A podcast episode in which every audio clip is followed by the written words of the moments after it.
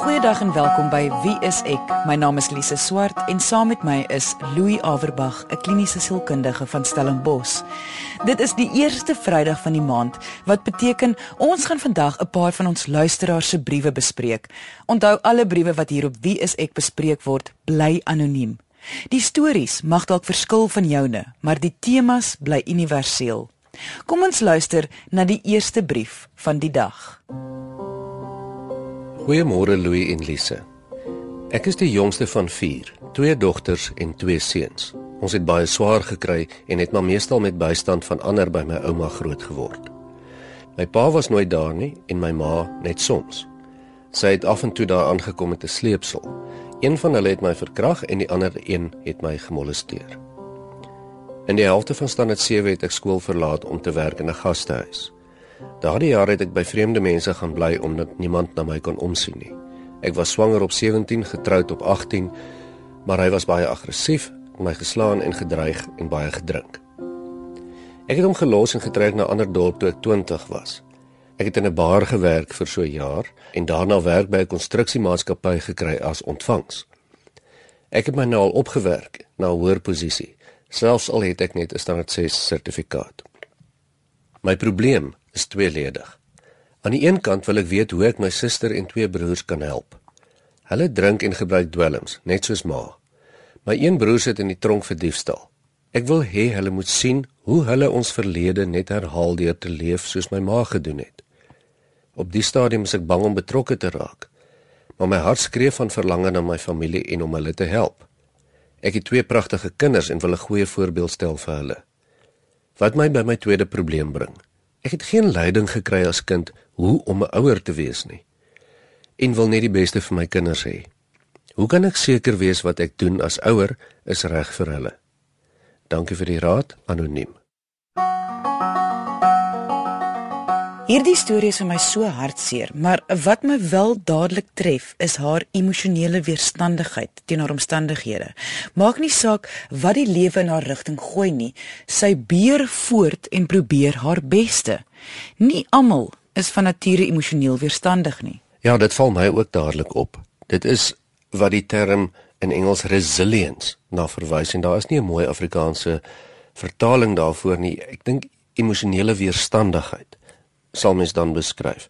En dis verstommend hoe sy ten spyte van alles wat teen haar getel het, nog steeds haarself uit die omstandighede uitgesleep het en nog steeds klink dit vir my 'n baie goeie taak van die lewe maak op die stadium. En hierdie emosionele weerstandigheid is 'n baie interessante ding vir jare, eintlik vir altyd het al wat 'n wetenskaplike of 'n sosiale wetenskaplike is nog altyd maar geglo. Dit is 'n konstruk in die persoonlikheid. Dis 'n persoonlikheidseienskap of 'n samevoeging van persoonlikheidseienskappe om so emosioneel weerstandig te kan wees. Maar baie sterk en nuutste navorsing wys dat dit 'n vaardigheid is wat aangeleer kan word. Dit is eintlik baie goeie nuus. En wat dit sê is dat dit lyk asof ons almal kan teoreties aanleer om so taai te wees en die lewe so aan te vat soos wat ons briefskrywer dit doen. Indien jy wil hê ek en Louie moet jou brief, storie of vraag hier op Wie is ek bespreek, kan jy ons kontak deur ons webwerf wie is ek een woord.co.za of gaan na ons Facebookblad onder wie is ek met Louie en Lise. Onthou alle briewe wat bespreek word sal anoniem bly. Maar kan haar weerstandigheid ook 'n faktor wees in hoekom sy nie kan verstaan hoekom haar suster en broers nie so sy 'n beter lewe vir hulle self wil hê nie. Ek wil amper sê uh, dat die weerstandigheid is 'n positiewe ding in haar lewe, maar dit het 'n negatiewe effek op haar broer en op haar broers en susters van haar kant af. Ja, dit is amper daai ding van as ek dan kan, hoekom kan hulle nie? Hmm. En dit speel definitief 'n rol. En in 'n mate sê ons nou maar teoreties is hy eintlik reg, want ons sien dis tog vaardighede wat mens kan aanleer.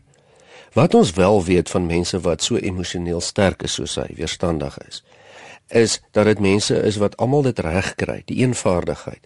Is dat dit mense is wat almal eenvaardigheid kan regkry en dit is om emosies te kan oorheers met logika wanneer dit nodig is veral in tye van nood en kritieke tye. En nie almal kan dit doen nie. Of nie almal het al geleer om dit te doen nie. Ek wil selfs so ver gaan om te sê vir sommige mense is dit amper 'n lewenstaak om dit aan te leer. En hier is dalk ook 'n vingerwysing vir haar om te sê goed, ten spyte van jou goeie bedoelings, nie almal is so sterk soos jy en kan dit regkry nie. Hmm.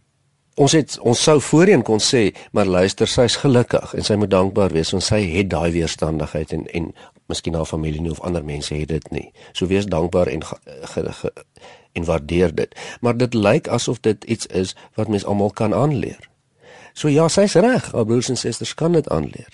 Maar sy het dit nie van self gekry nie, sy het dit dus ook aangeleer. Almal is nie so gelukkig of so sterk of so vaardig soos sy om dit dalk te kan aanleer of selfs op 'n volwasse stadium te kan aanleer nie. Ongelukkig is dit 'n hartseer saak dat baie mense sukkel hiermee en kry dit heel partykeer nooit reg nie. Ek het nou die dag 'n soortgelyke brief beantwoord, maar wat vir my interessant was, was die skrywer se siening dat dit haar plig is om haar familie te help. Uh, die vrou het nog geskryf: "Ek het nie 'n keuse nie, ek is hulle enigste hoop." Dit voel vir my asof sy en hierdie skrywer van vandag se brief baie verantwoordelikheid wil vat vir hulle broers en susters se keuses in die lewe. Ja, en daar's niks meer verkeerd nie, dis 'n baie mooi eienskap. Sy wil help. Die vraag is hier hoe sy wil help. En soos jy dit dan stel, dit lyk asof sy wil met die beste bedoelings help deur verantwoordelikheid te wil vat. En as mens mooi daaroor gaan dink, is dit nie eintlik 'n baie sinvolle strategie nie. Want eerstens help dit nie regtig haar familie nie. As iemand anders vir jou heeltyd verantwoordelikheid vat, dan doen jy dit nie self nie of jy hoef dit nie self te doen nie.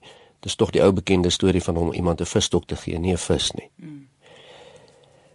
En aan die ander kant help dit dan ook nie eintlik vir haar nie want sy kry dit nie reg nie op die manier wat sy bedoel nie. Nou daarmee sê ons nie sy moet nie probeer help nie. Maar ek dink die kern is wat jy sê hierso om die verantwoordelikheid te vat om besluite vir jou lewe te neem. Kan sy nie namens haar familie doen nie al wil sy ook. Kan ons net nog 'n bietjie meer gesels oor voorbeelde van verantwoordelikheid vat vir alles wat kom binne die konteks van familie, broers, susters en so. Net om dit beter te kan verstaan, wat wat bedoel mense as mense sê jy wil verantwoordelikheid vat vir iemand anders se keuses? Ek sê gereed nie dat sy dit wil doen nie.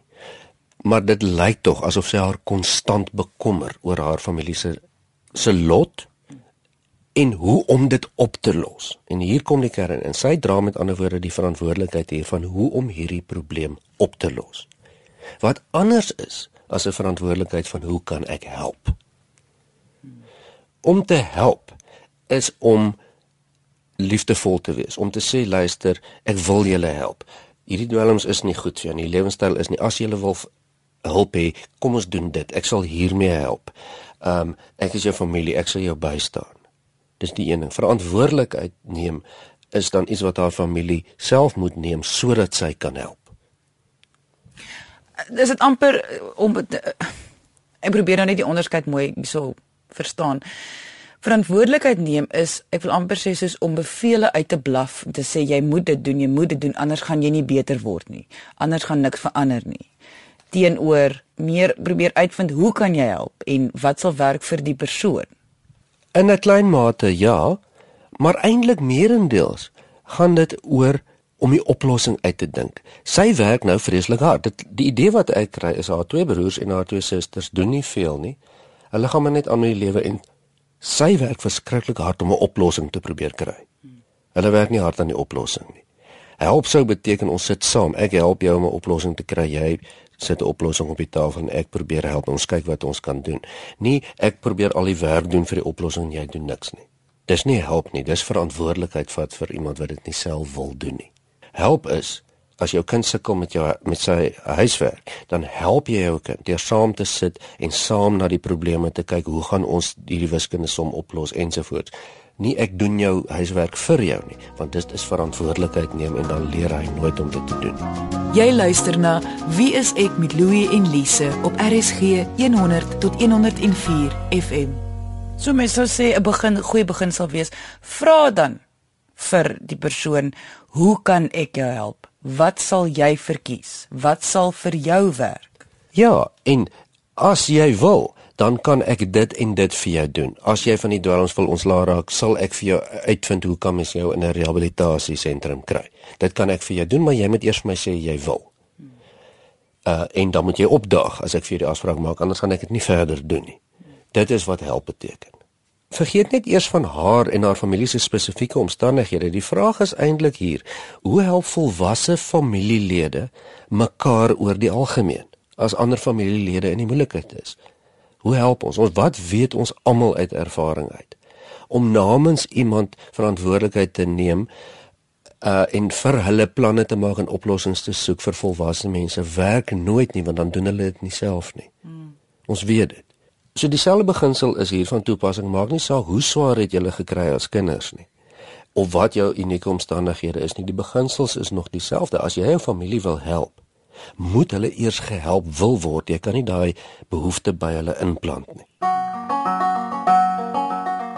Soos sy geskryf het, is dit nie net haar broers en suster wat vir haar 'n probleem is nie, maar ook hoe sy as ouer is.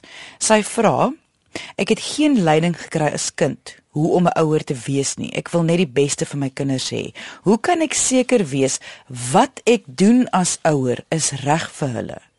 So Louis, hoe kan sy seker wees? Kyk, die briefskrywer het in 'n wêreld van onsekerheid groot geword sonder enige sekerhede. En ongelukkig is dit hoe die lewe is. Daar is nie sekerheid nie. Jy kan nie seker wees nie.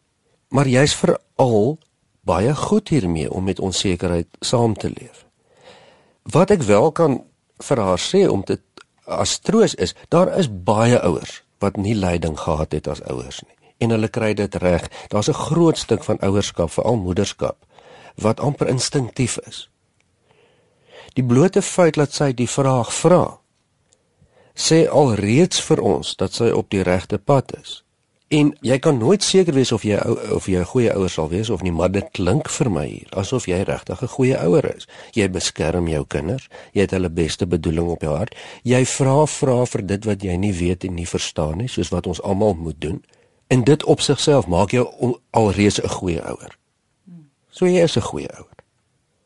Sommige interessant dat as jy self nou goeie ouers gehad het, sal dit jou outomaties self 'n goeie ouer maak. Nee, jy sien nie noodwendig nie. Want as jy kom by wat hoe ontwikkel mens goeie ouerskap, gaan dit nie so seer oor wat jy geleer het by ander mense nie, maar oor wat jou waardes is, jou oortuigings is, wat jy glo. Dit is nie net sommer iets wat jy doen nie, is iets wat jy oortuiging het, soos hoe om kinders groot te maak. Sê alles van jou as persoon. En hoe ontstaan dit onder andere gebeure toe jy groot gemaak is? Ja, maar dit is baie meer ingewikkeld eh, is dit hoe mense se waardes tot stand kom. Wat ons wel weet, is dat waardes bepaal gedrag nie andersom nie.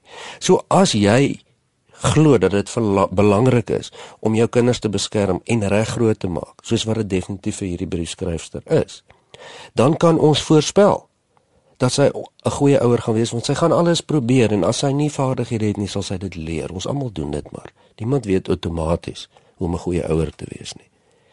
Maar sy leef dit alreeds. So wat sal jou antwoord vir ons skrywer van hierdie brief wees? Eerstens net 'n boodskap van bewondering vir jou braafheid in die lewe.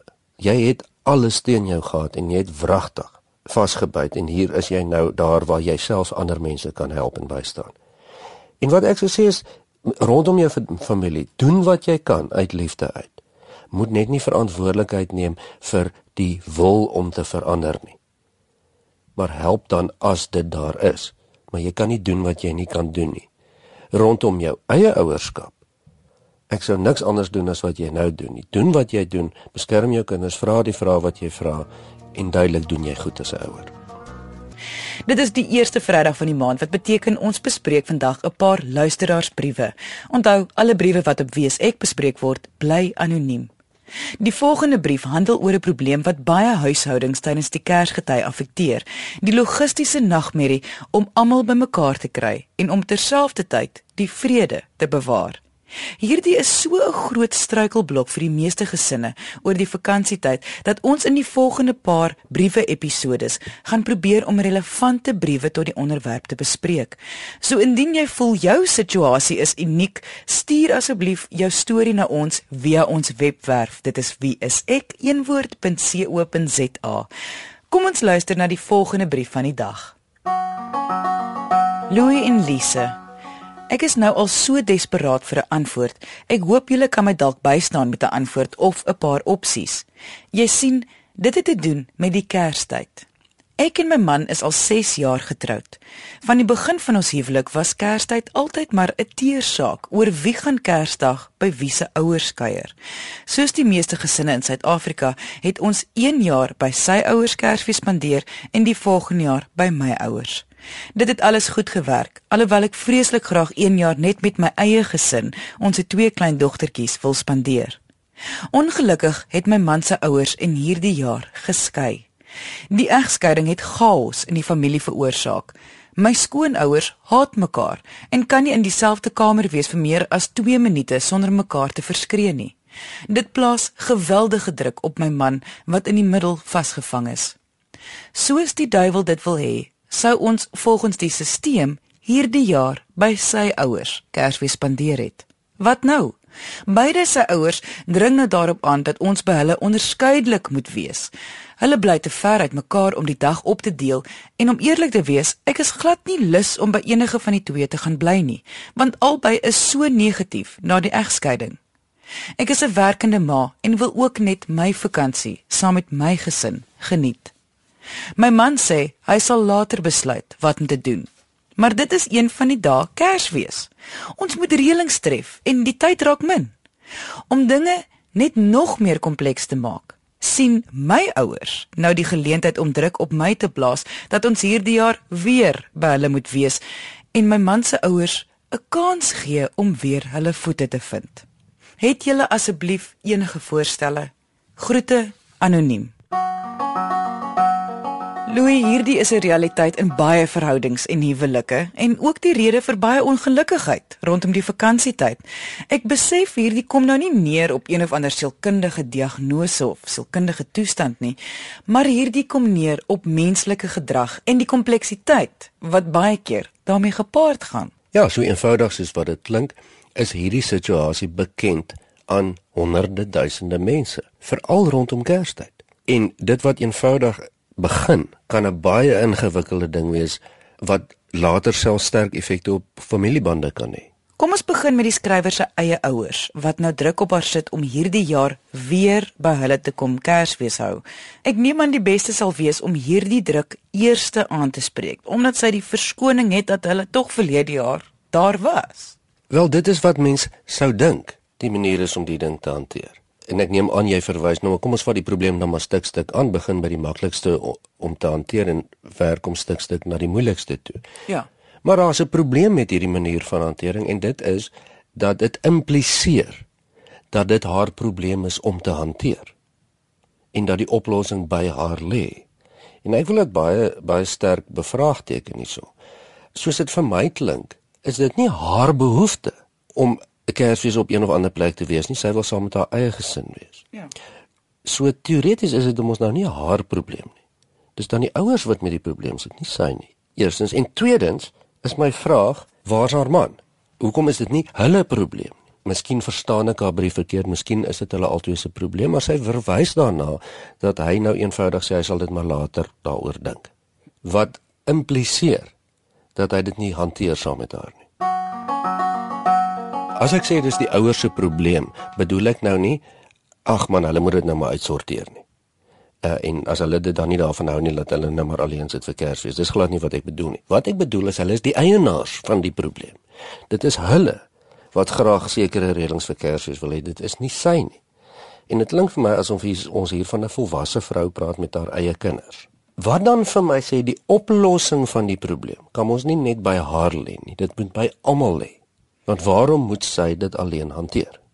O wag, nou verstaan ek. So met ander woorde wat jy sê is omdat sy die brief geskryf het, dit lyk duidelik sy probeer die oplossing alleen vind hierso, terwyl haar man is ook in die prentjie, haar eie ouers is ook in die prentjie, haar man se ouers is ook in die prentjie. Dis nie net vir haar om die oplossing te vind nie. Absoluut, want sy, soos dit vir my klink, weet presies wat sy eintlik wil hê. Sy het 'n oplossing vir haar en vir haar man en vir haar gesin. Maar dis nie noodwendig 'n oplossing vir almal nie. Dis net dat sy al die almal sit en wag vir haar om 'n oplossing te skep. Dis mos nie regverdig. Jy luister na Wie is ek met Louie en Lise op RSG 100 tot 104 FM. So mens kan al klaar eintlik op die punt kom om te besef almal gaan nie gelukkig wees nie. Mens moet eers nou maar keuses maak. Maar is ek reg as ek sê dat as kind is jou ouers jou verantwoordelikheid? Wel, dis 'n baie interessante vraag, nê. Nee. Ek wil tog dit ook bevraagteken. Hoe het dit dan nou geraak dat ouers op 'n stadium besef hulle moet hulle kinders laat gaan en hulle doen dit ook maar die kinders skuld hulle nog darm een of twee goed? Soos Kersfees skuld hulle die ouers. Dit is so halfe aanname. En dit is gebore uit 'n goeie ding uit dat ons as gesinne en familie saam is en ons same syn 'n vier en ook daai min tye wat ons regtig almal as families kan saam wees dit kan doen daar's mos niks verkeerd daarmee nie Maar ek wil tog dan nou die vraag vra, hoe het dit dan nou gebeur dat ouers soveel druk ontsettend druk op hulle kinders sit al is hulle eie kinders al grys om hulle dan te kom gelukkig maak. Is dit dan nie so dat jou kinders graag by jou moet wil wees vir vakansie of vir 'n Kersfees? Nee, en dat jy hulle tog nie moet dwing of probeer manipuleer daarin nie. Dis nou wonderlik dat jy dit nou sê en ek stem met jou heeltemal saam. Dit moet natuurlik so wees. Maar in baie situasies en baie gesinne is dit nie so nie. So, hoe hanteer jy dit dan? As jy dan nou sê die verantwoordelikheid lê dan nou by almal, dis nie net haar verantwoordelikheid om 'n oplossing te vind nie. Hoe laat sy die ander partye verstaan? Dis ons almal se verantwoordelikheid om hierdie uit te sorteer. Wel, eerstens is dit nie net haar werk nie, dis haar en haar man se werk. So ek sou ek voor ek enige iets verder gedoen het, haar man ingetrek het want hierdie moet 'n spanpoging wees of dit nou sy ouers is of haar ouers is. Hulle is tog 'n gesin. En sy kan dit nie alleen hanteer nie. As haar man van haar verwag om dit alleen te hanteer, dan is dit 'n groot probleem. So stap 1, kry jou man bymekaar en ek glo hy sal bereid wees daartoe. Of vra hom baie mooi om 'n oplossing te kry of onttrek heeltemal uit die oplossing uit laat hy dan net maar die oplossing kry. Of werk saam om 'n oplossing te kry. Nee, maar net soos met die eerste brief van die dag. Sit met sit by 'n tafel, kry idees, bring idees na die tafel en kyk wat se opsies sou vir hulle onderskeidelike ouers dan nou gewerk het. Of vir hulle en dit is tog nie vir ons om vir hulle voor te stel wat vir hulle sal werk rondom hulle gesinstradisies nie. Die punt is jy moet 'n oplossing kry vir hierdie ding wat vir jou en jou man werk en hooplik die ouers en die skoonouers daarom nie te ongelukkig kan maak nie. Dit is tog die uiteinde van die saak. Hoe om dit te doen? Klink dit vir my dat jy en jou man eerstens 'n span sal moet vorm, anders gaan jy dit nie regkry nie. En tweedens, om dan openlik met al hierdie mense te praat en jou grense te stel en om dan saam met jou man miskien 'n oop gesprek hiermee te gaan en jy hoef nie alleen die oplossing te te hê nie. Jy kan byvoorbeeld sê luister, hierdie jaar het ons 'n probleem, ons gaan as gesin alleen saam weg. Ons besef, julle is nou net geskei en julle is alleen. Ons besef die ander stel ouers wil ons ook graag daar hê. Dit gaan nou nie hierdie jaar kan gebeur nie. Hoe kan wat kan ons doen om dit vir julle makliker te maak? Kan julle dalk bietjie later kom kuier? Kan ons miskien 'n ander naweek na julle toe gaan? Ek vat net 'n voorbeeld, nê. Nee. Maar mens hoef nie die oplossing uit te dink nie. Mens kan ook kom met wat mens niks aan kan doen nie. Kry heel eers jou man aan boord en ek sou nie verder gegaan het as jy dit nie kan regkry nie. Kry jou man aan boord en julle saam beplan dan 'n strategie wat julle met julle onderskeidelike ouers aanvat en ook met hulle want mens wil nie skade doen nie, mens wil graag 'n gesamentlike oplossing kry. En dit is jou reg om te sê ek wil alleen tyd saam met my kinders en my man spandeer. Indien jy enige vrae het oor vandag se onderwerpe of enige ander onderwerp, kan jy ons kontak deur ons webwerf. Dit is wieisek.co.za of kom gesels saam op ons Facebookblad onder wieisek met Louie en Lise. Onthou, ons wil graag jou situasie of storie rondom Kersfeesreëlings hoor. Baie dankie dat jy vandag ingeskakel het. Ons maak weer so volgende Vrydag 12:30 net hier op RSG. Jy moet 'n heerlike naweek hê en onthou, kyk mooi na jouself.